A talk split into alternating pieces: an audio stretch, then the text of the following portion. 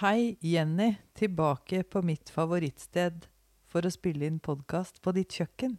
Ja, og så her eh, nå når vinteren begynner å komme og det blir kaldere ute, så tenkte jeg å prate om noe mer eksotisk.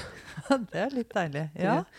Nei, men på 1800-tallet, eller tidligere også, var de veldig opptatt av eksotiske dyr og matvarer og smykker fra det fjerne Østen eller Afrika og Asien og sånn ja. i Europa da. Og eh, da var det faktisk en eh, Muhammed Ali som gav en giraff i gave til kung Carl i Frankrike. En hel sånn giraff? Ekte giraff? Ja, en ekte giraff. Den ble døpt til Sarafa. Men hun eh, ble fanget i Sudan, og det tok henne altså ett og et halvt år å komme seg til Frankrike.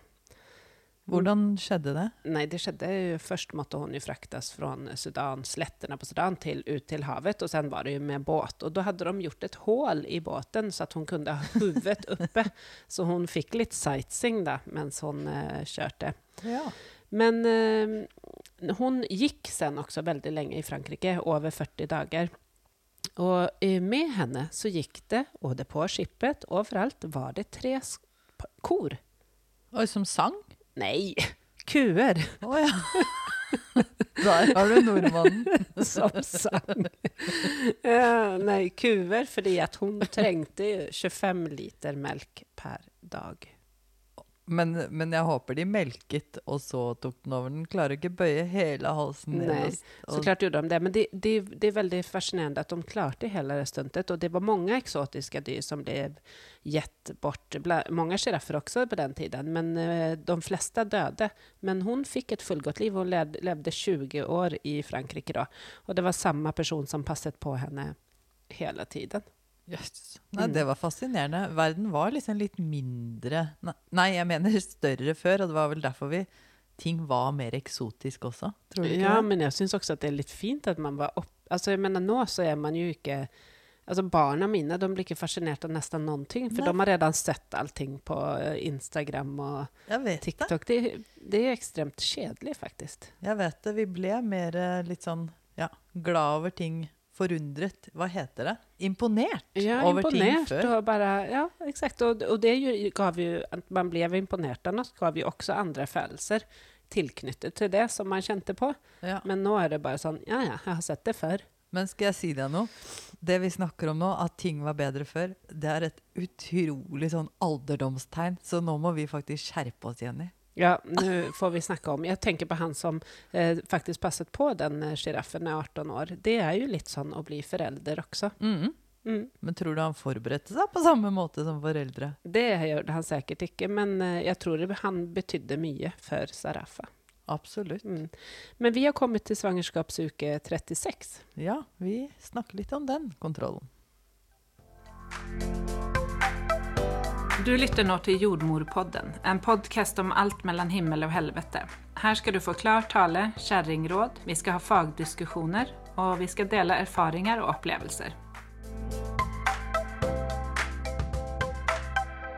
I uke 32 så, så pratet vi mye om at det var en bra, fortsatt en veldig bra periode, sånn fysisk sett. Det kan være, i hvert fall. Det kan være, ja. Og, og også at man eh, snakket godt sammen, og, eller det var fint å snakke godt sammen om det å få et barn og forberede seg litt. Men eh, jeg tenker, jo lengre man kommer, da forbereder man seg mer og mer på de her praktiske tingene. Mm. Hva skal man liksom eh, skaffe eller ordne til barnet fysisk kommer ut? Ja, exakt. Vi, vi, er opptatt av at man trenger ikke å uh, overhandle, men det er jo tross alt noen ting som man kommer å trenge til et ja. barn når det kommer hjem. Uh, noen har sikkert hatt det klart veldig lenge. ja, jeg vet om noen som har barnevognen i gangen fra uke tolv, nesten. Ja, eksakt. Og, og stellebord og bleier og bilstol, mm. seng, alt sånt der pleier jo å være på plass i alle fall til uke 30 syv når det er normalt å føde. Ja, Men jeg syns jo også at det er viktig å si at er det ikke det, så fikser man jo det. Babyen trenger ikke så veldig mye, og den bryr seg ikke om uh, rommet er nymalt eller om stellebordet er montert når den kommer ut. Nei, og det er jo sånn jo om vi snakker om uke 36, så hvis man ikke har ordnet alt, og så helt plutselig så kommer barnet. Det, det kan jo hende at man føder før uke 37 også.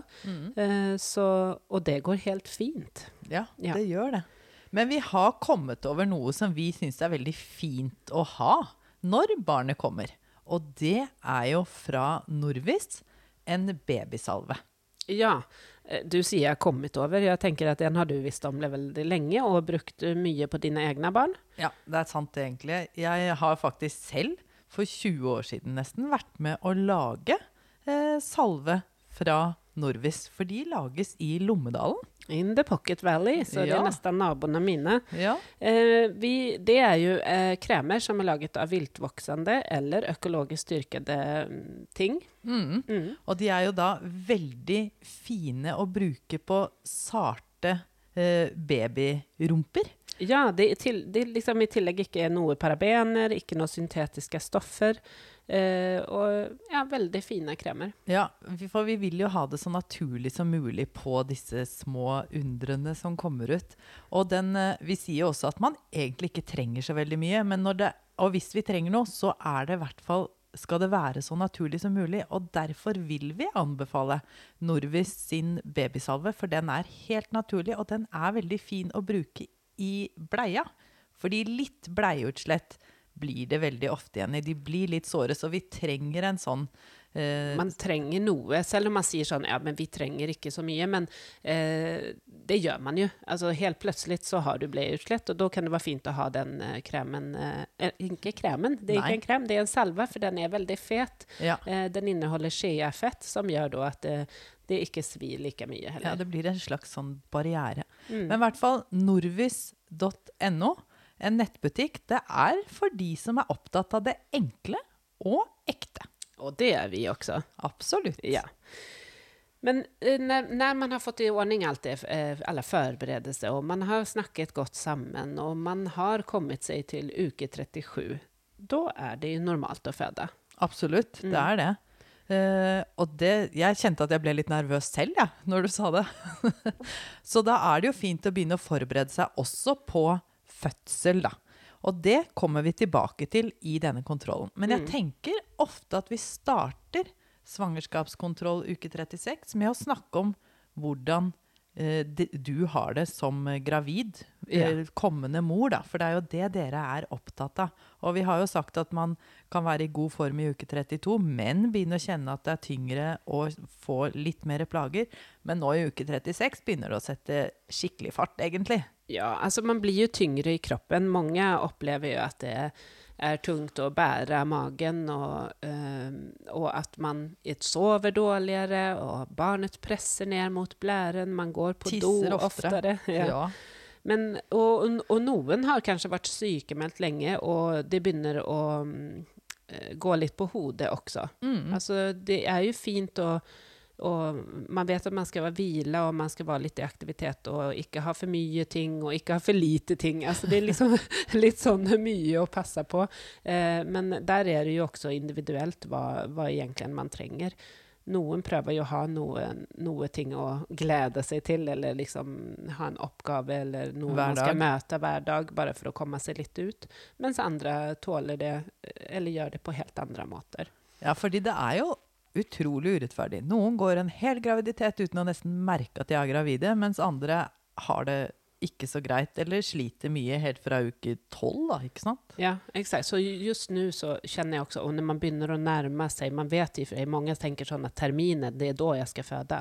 Men som sagt flere ganger nå, så vet jo vi at det er normalt fra 37 til 42 og at man mm, det er nå man begynner å ha begynner å liksom Det er greit nå, jeg vil at den skal komme på utsiden. Ja, men jeg er veldig opptatt av å fortelle dere at uh, termin er vanlig å komme til, selv om dere skal være forberedt på at nå Mm. kan babyen plutselig komme. Absolutt. Men det er bedre å tenke, hvis dere klarer i hodet deres, å tenke at termin, og så kanskje litt til, for det er vanligst, da. Mm, det er vanligst.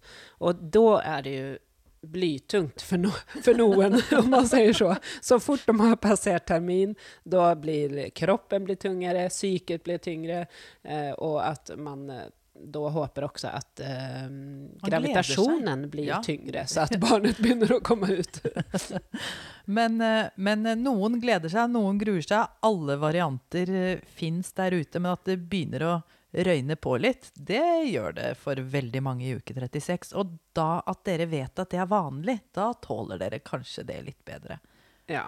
Men skal vi gå tilbake til den kontrollen? Det vi, det vi gjør som begynner å bli litt tjatig nå sikkert, at vi har sagt det mange ganger, det er det vanlige blodtrykk og urin.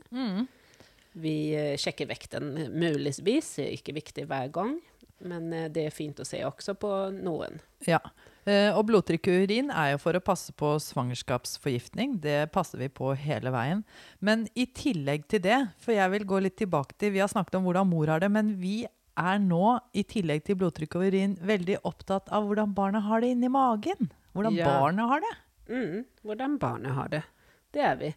Selv om det er fortsatt mor også, som er viktig for oss. Men ofte så har ikke mor det så bra hvis ikke hun tenker at barnet har det bra. Nei, Er det, ikke er sånn livet er videre når de kommer ut òg, Jenny? Det var sikkert sånn for sjiraffemoren også. eh, men hun, det er nå som vi... Bevegelser, det har vi også nevnt flere ganger, men eh, vi er jo opptatt av barnet fortfarande, at man kjenner liv hver dag, og at man tar kontakt hvis man ikke gjør det. Bevegelsene nå kan jo mange føle at de endrer seg litt, at de blir litt mer sånn dyttende, ålende, eh, ikke de direkte store utsparken. Og det kan jo bekymre dere litt, fordi dere opplever de så annerledes, og da kan dere kanskje tenke at dere opplever de Eller at de er færre og mindre. Mm. Eh, de skal ikke være færre, men det at man ikke får de der slagene og sparkene Babyen har liksom ikke den, det rommet til å dytte fra seg, men at det blir mer skyvende. Og noen kan bli bekymret av det, men det er normalt. Men dere skal være fornøyd med Det skal fortsatt eh, vite at hvis man ikke føler at det har vært normalt, så gjør man tiltak i forhold til det. Og det er jo at du spiser og drikker noe søtt eller kaldt, eller kaldt i alle fall. Mm. Eh, legger deg ned eh, på venstre side og teller spark i én time. Én til to timer. Det kan også hjelpe med litt sånn dytting Mm. og sette på noe musikk. Eller vi driver jo med sånne, den derre bjellen, det har vi nevnt før. Mm. Sånn at det lager noe lyd da, for å se at barnet responderer sånn som du vil. Hvis ikke du blir fornøyd etter du har gjort disse tiltakene, så ringer man til sykehuset. Ja. Så, så enkelt og så vanskelig er det. Og det er man skal ikke føle at man er til bry om man eh, er bekymret, da. Nei. Det er det vi, som er viktig. Vi, vi vet at det, det er eh, en av de tingene som ni må ringe oss for. Mm. Og derfor så er det jo da litt eh, fint å komme på kontroll hvis man er veldig urolig, for Mm. å roe nervene, helt enkelt. Mm. Som ofte så er det helt fint når man kommer på sykehuset. Ja. Det, skal, det er konstigt det der at eh, man kjenner ikke noe hjemme, og så kommer man til oss. Og, og då, det er det, det som jeg også vil si, da, som du sa, at man skal ikke ha dårlig samvittighet for at man ringer. Og hvis man ringer dagen efter man var der på kontroll, så da gjør man det Ja, igjen. Det er, Det er det som er viktig. det er et øyeblikksbilde. Og det er rett og slett bare god omsorg. Det sier jeg tusen ganger. Men det er allerede morsomsorgen som eh, starter der, da. Ja. Eh, noen eh, opplever jo å mm, kjenne liv Altså noen Jeg kjenner meg helt plutselig mer liv nedover Ja, mot, ikke eh, sant? mot utgangen. Ja. Hva kan vi tenke da? For det er jo også noe vi, vi sjekker hver svangerskapskontroll, men det, det begynner å bli enda mer viktig nå når vi nærmer oss. Ja. Det er ingen av dere som går hjem fra svangerskapskontroll i uke 36 som ikke vet om barnet ligger opp eller ned, med mindre vi har henvist dere til en ultralyd for å sjekke det. Nei, altså med hodet ned eller setet ned, og noen eh, kan til og med ligge i et avvikende leie, da. Altså at er i tverrleie, eksempel. På skrå eller Ja. på tvers. Ja. Ja. Så det er sant at uh, i denne kontrollen så skal vi ha kontroll på, på det. Leie. Ja. Mm. Hvor om babyen ligger med hodet opp eller ned. Og som sagt så er det jo ganske vanskelig. Da. Noen ganger så hadde det vært fint å være gjennomsiktige, men det er vi heldigvis ikke, for det hadde sett veldig rart ut, Jenny. Det. Jeg ser du grynter litt der nå. Ja. Men, men vi, det er ikke alltid så lett da, å kjenne. En rumpe kan kjennes så hard ut som et hode, og hodet kan kjennes ut som en rumpe, og armer og ben. Det er mye Og de kan fortsatt flytte litt på seg inni der. Ja, de kan jo det. Men jeg pleier om jeg føler at jeg kjenner noe rart, eller det er noe rart, men altså at det er sete, eller, eller at mor sier at bevegelsene har endret, for det er jo også viktig å lytte på hva mor sier, eh, så kan man også bruke mm, jordmorstetoskopet iblant for å lytte hvor eh, man hører fosterlyden best, og da kan man få en indikasjon. Men som du sier, så er det iblant at man tenker at den ligger i setet, og så kommer de på ultralyd, og så er det hodeleie. Ja. Så det er jo ikke noen eh, Det at jordmor kjenner ute på magen, er jo ikke noen sånn eksakt science. Nei, det er ikke noe fasit, nei. Nei. Og det, og det er derfor er det viktig, hvis dere opplever å gå fra kontroll, og så har jordmor sagt å, her må vi ta en ultralyd, for jeg lurer på om den ligger med rumpa ned, eller jeg er usikker på om den ligger med rumpa ned eller hodet ned, så skal ikke dere gå dypdykke i hva skjer hvis barnet ligger med rumpa ned. Fordi det kan godt være at jordmor har kjent feil. Mm. Ikke feil, da, men at, Nei, men at att det ikke stemte. Antingen kan ba- altså barnet kan jo også snu, snu seg, men da føler ofte mor en veldig stor bevegelse. Ja, og en det- endring. Ja, og det er jo noen som kommer og sier at eh, du, jeg lurer på om den har snudd seg, for i går så liksom bare hele magen eh, ble som en omveltning. Ja. det må kjennes veldig rart eh, også. Litt sånn voldsomt. Mm. Mm. Men det kan jo skje når man sover, og det alle Det kan jo hende de snur seg uten at man merker det også. Ja, absolutt. Men ofte så kjenner man en endring i de bevegelsene man har kjent tidligere. Og en ting til som vi kan bruke når vi ikke bruker ultralyd, er å spørre om dere kjenner hikke, da, den her rytmiske bevegelsen. Om man kjenner den oppe eller nede, kan liksom være også en indikasjon, på indikasjon. hvordan, hvordan babyen ligger. Men i hvert fall så henviser vi til ultralyd dersom vi er usikre eller tror den ligger med rumpa ned. Og den ultralyden får man som regel ikke før i uke 37, For de, vi gjør ikke noe tiltak i forhold til å eventuelt vende på eller klargjøre for um, setefødsel da, Ja. i uh, uke 37. Eh, Ja, før en uke 37. ja. Mm. Eh, det er også viktig med det leie, som vi kaller det, da, og det er det som kolonnen heter på helsekortet, eh, er at vite om hodet er festet eller ikke. Ja. Det er jo noen eh, flergangsfødende som hodet aldri fester seg på. Eh, og, Før man starter med rier, da. Nei, før, man- ja, ja, før man starter med rier. Men, men det. men det kan da være fint å vite nå i forhold til når fødselen starter, så spør vi ofte om det når dere ringer. Ja. Og i hvert fall hvis dere ringer i forbindelse med vannavgang, for det er da vi vil vite det mest, da. Mm. Det kommer vi tilbake til litt. Ja. SF-mål er også en sånn greie som vi gjør uh, hver gang. Mm. Eller fra uke 24, da. SF-mål det er den der, det målebåndet som dere er blitt kjent med nå, fra symfysen, altså bekkenbenet, og opp til toppen av livmoren. Og det starter vi jo ut på i uke 24, og så er vi jo da opptatt av at barnet skal følge sin kurve.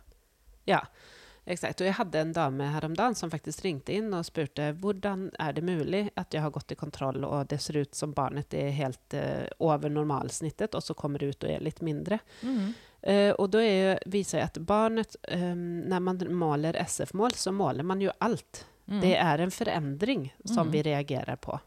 Magen skal vokse og følge sin kurve. Ja, og når jeg sier vi måler alt, så er det jo, det er hud, og det er eh, fett, eh, underlagsfett, og det er vann, og det er livmor. Det er liksom ikke selve barnet, men det er bare at eh, hvis den avviker eh, f- to ganger fra sin eh, vanlige kurve, da reagerer vi på, og da kan det hende at det er barnet som er eh, ikke vokser som det skal, men det kan også være noe helt annet. Mm.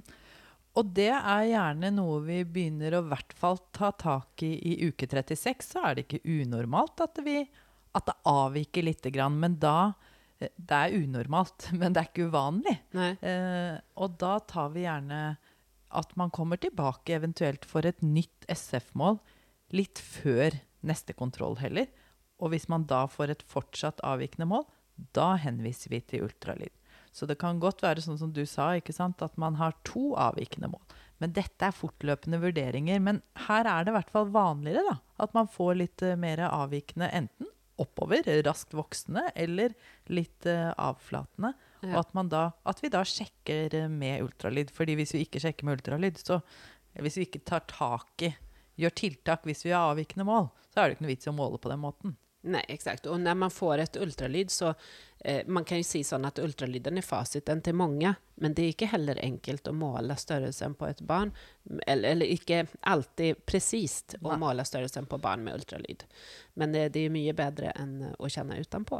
Ja, men, man, men jordmor har jo kjent på eh, magen hele veien, og man kan man skal få en idé om man tenker at dette er et passe stort barn for eh, deg som man har foran Mm. seg.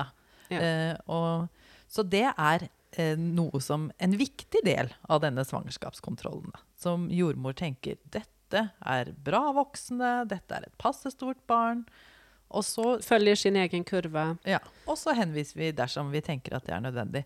Og så er det fint at dere, fordi ofte så opplever jeg jo at mammaer sitter og, og er bekymret for vekten til babyen da. At dere sier det høyt, sånn at vi kan snakke om det. Så vi får liksom kartlagt hva er det dere er bekymret for.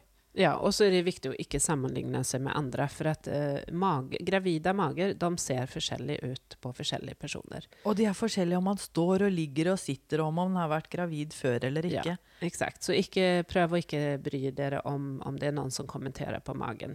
Og det er det noen som gjør, Ja, dessverre. det er det. Ja.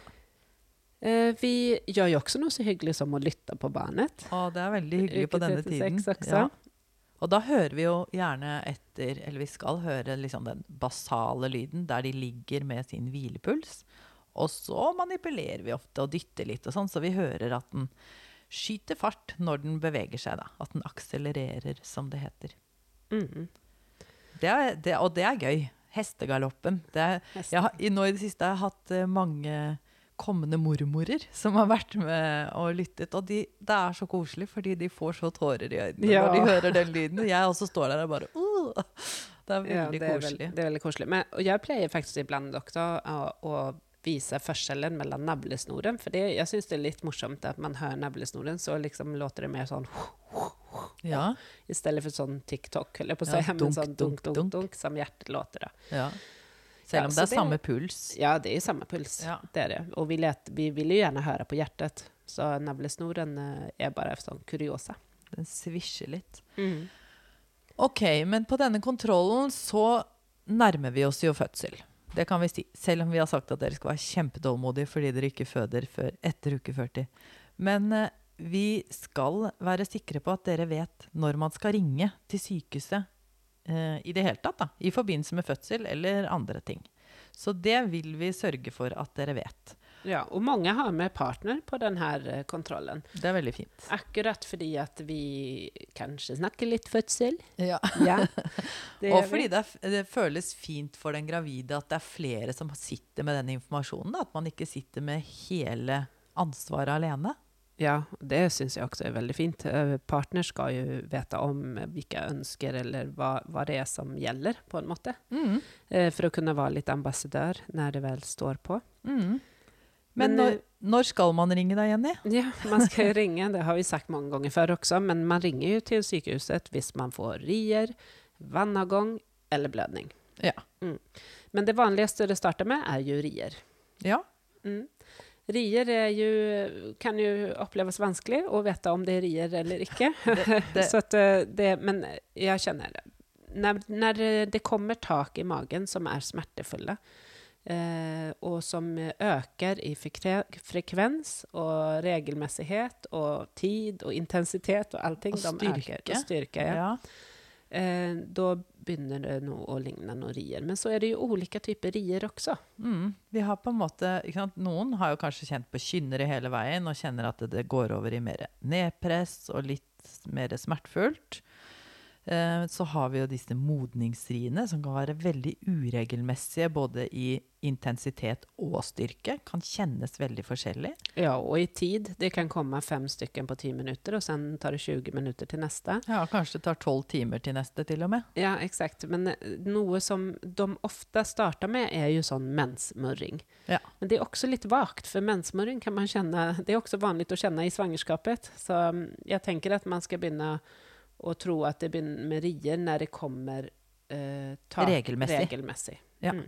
Og vi sier at det i hvert fall eh, kommer hvert femte minutt og at de varer ett minutts tid, og at det har pågått en time eller to. Dette har dere hørt oss si før, men det kan allikevel være skikkelig vanskelig å finne ut akkurat når det er. Men det er jo ikke noe viktig at dere ringer akkurat da. Nei, vi vet jo at det er vanskelig, for det, det ringer jo altså, Even om man har fått uh, informasjon om det på svangerskapskontrollene, så er det ikke alltid at man husker det og man kanskje blir overraska av at man trodde ikke at det skulle være så vondt, eller, eh, eller tvärtom at det Er dette egentlig rier? rier. Ja, eksakt. Så det, det er, vi skjønner at det er vanskelig, så det er ikke noe feil å ringe oss. Jeg syns att det er egentlig bra å, å få kontakt med kvinnene litt før, uh, for å vite at de kommer sannsynligvis innen 24 timer.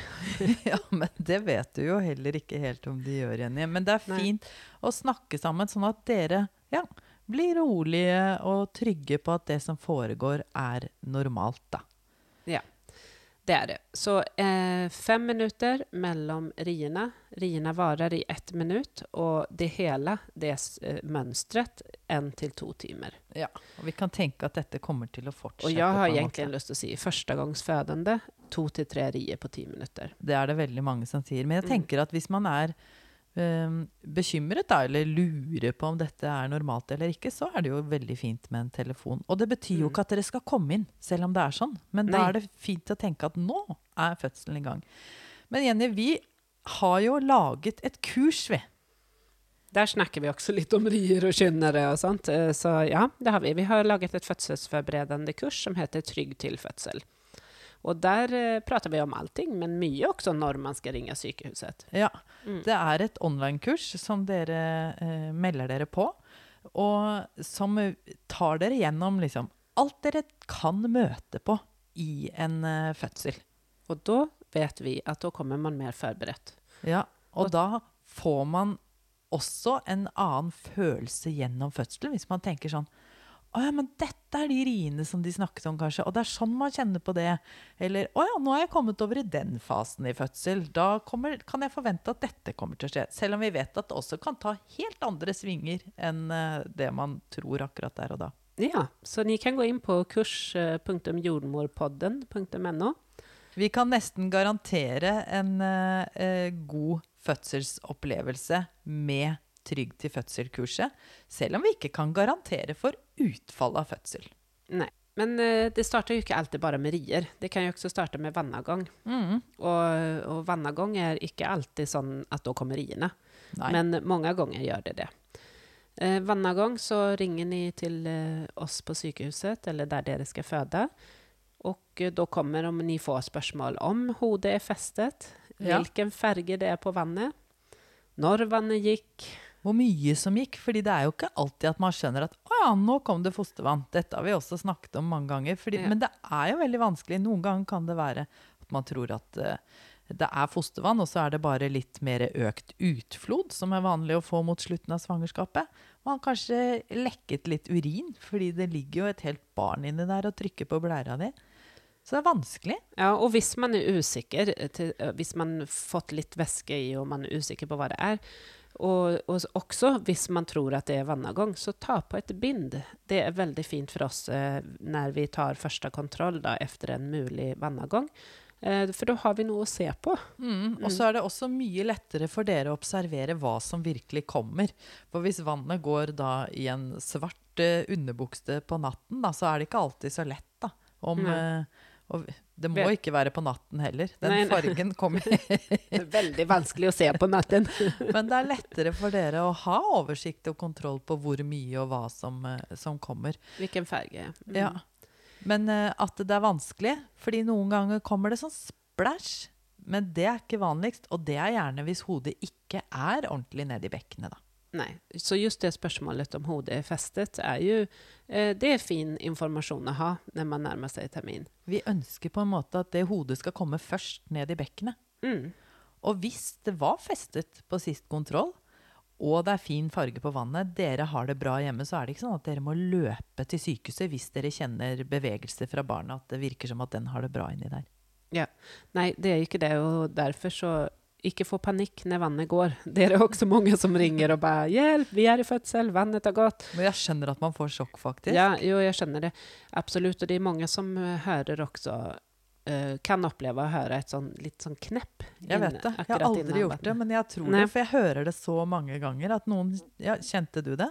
Nei, jeg kjente det ikke heller. Jeg tror det er et, ja, det er et sånt lite knepp, Ja. og så kommer det noe vått. Ja. Og da, då pleier det jo faktisk å være varannan gang, når, når noen ringer og beskriver dette. Ja, men det er jo faktisk egentlig ganske logisk, for hvis du stikker hull på en ballong, så vil det jo være et Da blir det jo et stort pang, da, men dette er jo inni magen. At det blir et sånt knepp. Jeg skjønner det poppet. Ja, jeg skjønner også poppet. Det er jo en spent eh, eh, Vannblære. vannblære. Og spesielt hvis man har starta med rier, så er den jo ofte veldig spent akkurat på ri. Ja, ikke sant? Mm. Da dytter eh, hele livmoren både foster og fostervann og ballong nedover. Men så er det jo også ved, blø ved, ved blødning så ringer de oss også. Blødning er jo ikke alltid et tegn på fødselsstart. Nei, Det er egentlig ikke et tegn på fødselsstart. Eh, hvis man ikke har rier i tillegg, eller Nei, men hvis man, eh, hvis man eh, har frisk blødning, så skal man ringe til sykehuset. Og det har man sannsynligvis lært helt fra begynnelsen av graviditeten. Men hvis man har litt murringer og sånn, da, så må vi forvente at blodslim kommer. Ja.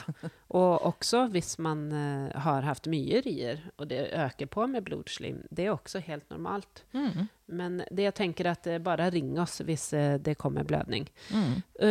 Når dere ringer oss med, med rier, med vannavgang eller blødning, så kommer vi også alltid å spørre kjenner dere liv. Mm. Det er fint å vite at babyen også syns det er greit med denne mulige fødselsstarten, da. Och på kontrollen eh, så då, Jeg bruker råde mine damer og partnere såklart å skrive ned hva man lurer på for fødsel. Mm. Det kan jo være alt från, eh, som vi har snakket om nå, når man skal ringe sykehuset, hvor skal man parkere, har man, eh, vad finns det for smertestillende Mm. Em, får man mat? det var vel noen som spurte også. mat får de. Men, eh, ja, men liksom sånn, hva trenger jeg å ha med? Det er mange spørsmål, og det er veldig ofte at man glemmer hva man skal spørre når man vel sitter på kontrollen. Da. Mm. Mm. Og så, eh, i tillegg til de praktiske tingene, så er det veldig lurt Jeg går tilbake til at det er fint å forberede seg med et kurs i fødsel. Da? At man vet litt hvordan man skal håndtere det som kommer. Hvordan man skal eh, ta imot de mensenmurringene og riene. Og hva skal du gjøre med kroppen din, da? Ja, og hva kan man gjøre hjemme Ja. til smertelindring? Hva, kan man, hva er viktig å passe på? Kan partner bidra med noe?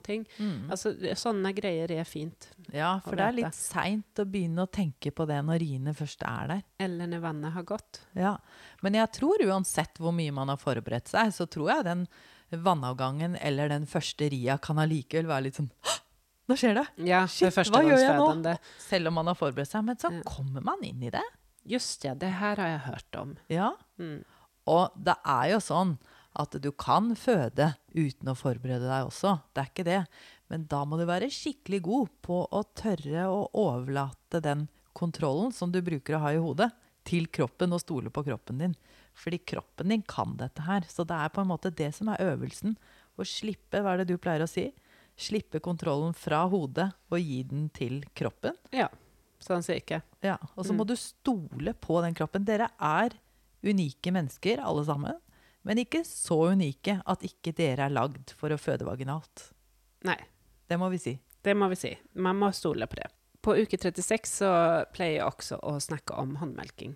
Ja. Og da kommer vi litt inn på den ammeforberedelsen. eh, Det man faktisk kan gjøre for, eh, for å forberede amming. Men Det er jo, ikke, det er jo fortfarande sånn at amming er noe som man kanskje gjør for første gang, og barnet gjør det for første gang, så det må læres. Men man kan forberede seg noe, eller forberede puppene sine, ja. med litt tannmelking Ja. eh, fra uke 37. Man skal ikke starte uke 36, men etter passert 37 pluss 0. Og det er fordi at man eh, frigjør litt oksytocin når man eh, Når melken drives ut, da, kan Mm. du si. Og da er jo det det samme hormonet som lager rier. Så vi vil jo ikke liksom sette i gang en fødsel med håndmelking, selv om det skal mye til, Jenny. Ja, det skal litt til, det tenker jeg også. Men der, vi, vi anbefaler ikke det før uke 37. Så det kan man jo se. Man kan se videoer på Ammehjelpen, og Mm. man kan få råd hos oss. Så hvis man har veldig dårlig ammeerfaring, så kan man også eh, på mange steder få en ammeforberedende samtale. Mm. Så at man kanskje senker skuldrene litt til eh, den neste gangen nå, da. Ja, og i tillegg til uh, fødselsforberedende kurs, så syns jeg ammeforberedende kurs, som uh, mange tilbyr, er veldig viktig. Og det er også en veldig viktig del av den foreldreforberedelsen, fordi da skjønner man at nå kommer det noe som vi skal ta oss av. Men amming, fødsel, skal vi tikke av for nederst på helsekortet. Så er det Mhm. tre sånne bokser som vi tikker av. Ammeforberedelse, fødselsforberedelse. Og så er det en kolonne til hvor det står farskapserklæring. Ja, for det er jo sånn at uh, far, far har eh, skrevet under uh, en erklæring på at uh, han åberoper seg retten til å være far. Nei, ikke retten, ja, hva sier man? Han er far Ja, han eh, til barnet. farskapet sitt. Kjenner farskapet, er Dette skal akkurat hvert det fall- det betyder. Ja, det er det. Vi skal i hvert fall ha gitt dere informasjon om at dette skal dere gjøre. Mm. Og hvis eh, medmorskap, eh, det må man skrive under etter at barnet er født. Ja, Farskapserklæring er før, men medmor kan ikke skrive under før etter fødsel. Og eh, farskapserklæring, der logger man inn på Altinn, og man signerer med bank-ID. Før så måtte man liksom skrive det på papir, men vi er jo mot, på vei mot et papirløst samfunn. Ja, og da, det, det kan jo faktisk hende at uh, helsekortet også blir eh, elektronisk. Det- Selv om de har sagt det i veldig mange år. Men nå er det på gang, Jenny. Nå gang, sier ja. de at det skal skje. Tror du ikke før jeg får se det? Det hadde vært veldig fint, det også. Jeg er opptatt av at eh, når dere går fra uke, kontroll i uke 36, så skal dere ha fått informasjon om hva som skjer hvis dere ikke rekker å komme tilbake på en neste kontroll. Ja, Fordi det kan jo være. Vi har sagt at det er normalt å føde fra uke 37 til 42. Så neste kontroll for dere er opprinnelig i uke 38. Og noen eh, kommer aldri på den kontrollen. Hvis det er sånn at dere føder, så ringer dere til eh, eh, der dere går på kontroll, når dere vet når dere skal hjem fra barsel. Og så kan man avtale at jordmor kommer hjem til dere på et barselbesøk. Det klarer de på de fleste kommuner og steder og jordmortjenester. Ikke alltid, men eh, det har dere i hvert fall krav på. da. ja. Bra, Jannicke. Stå på krava. Så, nei, sånn at det skal dere vite. At da skal dere ringe og avtale et barselbesøk, om dere ønsker det. Og så er det også sånn at helsesykepleier kommer på et hjemmebesøk til dere innen ti dager etter at barnet er født. I tillegg til jordmor, som er frivillig for dere, men som dere har krav på. Og hvis dere også eh, eh, ikke møter på jordmoren deres eh, før dette er skjedd, så etter seks til åtte uker, noe som også burde vært obligatorisk, Mm. så kan man få en etterkontroll hos jordmor eller hos fastlegen sin. da. Men det er mange som hopper over den etterkontrollen, Jenny. Ja, men jeg forstår nå at du, du Jeg syns at du er litt for tiden nå. Nå er vi i uke 36. Men det, jeg skjønner at det er veldig fint å prate om, for det er jo noen, men det er ikke så mange eh, som ikke møter jordmor igjen. Men skal jeg si deg hvorfor vi også sier det allerede nå? Fordi det er så mye av den informasjonen vi gir til dere eh, gravide, Som man glemmer. som forsvinner. Mm. Så vi må si det flere ganger. Vi må si det flere ganger. Vi skal ta det tilbake. Er vi klare med uke 36 da, Jannike? Jeg blir jo aldri klar, Jenny, men Nei. vi må kanskje sette en strek der. Ja, vi kan jo i alle fall minne på da å gå inn og se på norvis.no. Ja, det må vi gjøre. Jeg har sagt at dere glemmer ting, men norvis.no, sjekk det ut. Det var den babysalven vi snakket om. Men de har også flere fine produkter. Og den andre eh, greia vi vil eh, eh, anbefale dere, er en barnekrem. Ja, den kan være fin for babyen senere, eller for søsken. Ja, og den virker forebyggende mot tørr barnehud. Men gå inn på norvis.no, så lærer dere mer om disse produktene. Det gjør ni. Vi skal i alle fall bruke dem i vinter. Ja, jeg, jeg bruker det masse allerede, Ja. Babysalve på leppene, det gjør det susen. Ja, ellers så har de andre produkter for den leppa di, Jenny. Ja. Men jeg har brukt Norvis på alle mine barn, så jeg kan gå god for at dette er skikkelig fint. ja, det blir jeg glad for, Jannike. Ja. Jeg liker at vi anbefaler noe vi kan gå i god for. Ja, Mm. ja ikke sant? Det føles veldig fint, og jeg blir litt sånn stolt, jeg. av å reklamere for de. Så eh, norvis.no, så skal jeg gi meg der, dere. Men uh, Velkommen tilbake uke 38, ja, må vi vel si. vi setter opp time til kontroll i uke 38. Hvis det er noe vi må sjekke litt før, eller dere syns det er litt sånn skummelt å gå gravide nå, så kan vi sette opp en time før. Ja, og jeg tenker også på dem som faktisk tar Det er noen som går på kontroll eh, hver uke. Ja. eh, fra uke 24. Så eh, for, for, dere, bare å nevne der, det her er det normale. Ja. Når man ikke har noen annen type av risiko som må følges opp, da er det her det normale forløpet. Riktig viktig presisering, Jenny. Ja. Jeg håper å se dere, mange av dere, på Trygg til fødsel, vårt fødselsforberedende online-kurs. Ja. Vi har eh, live sending, live spørretime, annenhver uke. Som, Å, ja, det det- har vi. Ja, det er gøy. Da kan ni stille spørsmål til oss, hva som helst. Ja, vi gleder oss til å se dere der. Ellers så ses vi om et par uker på neste kontroll, da. Ja, det gjør vi.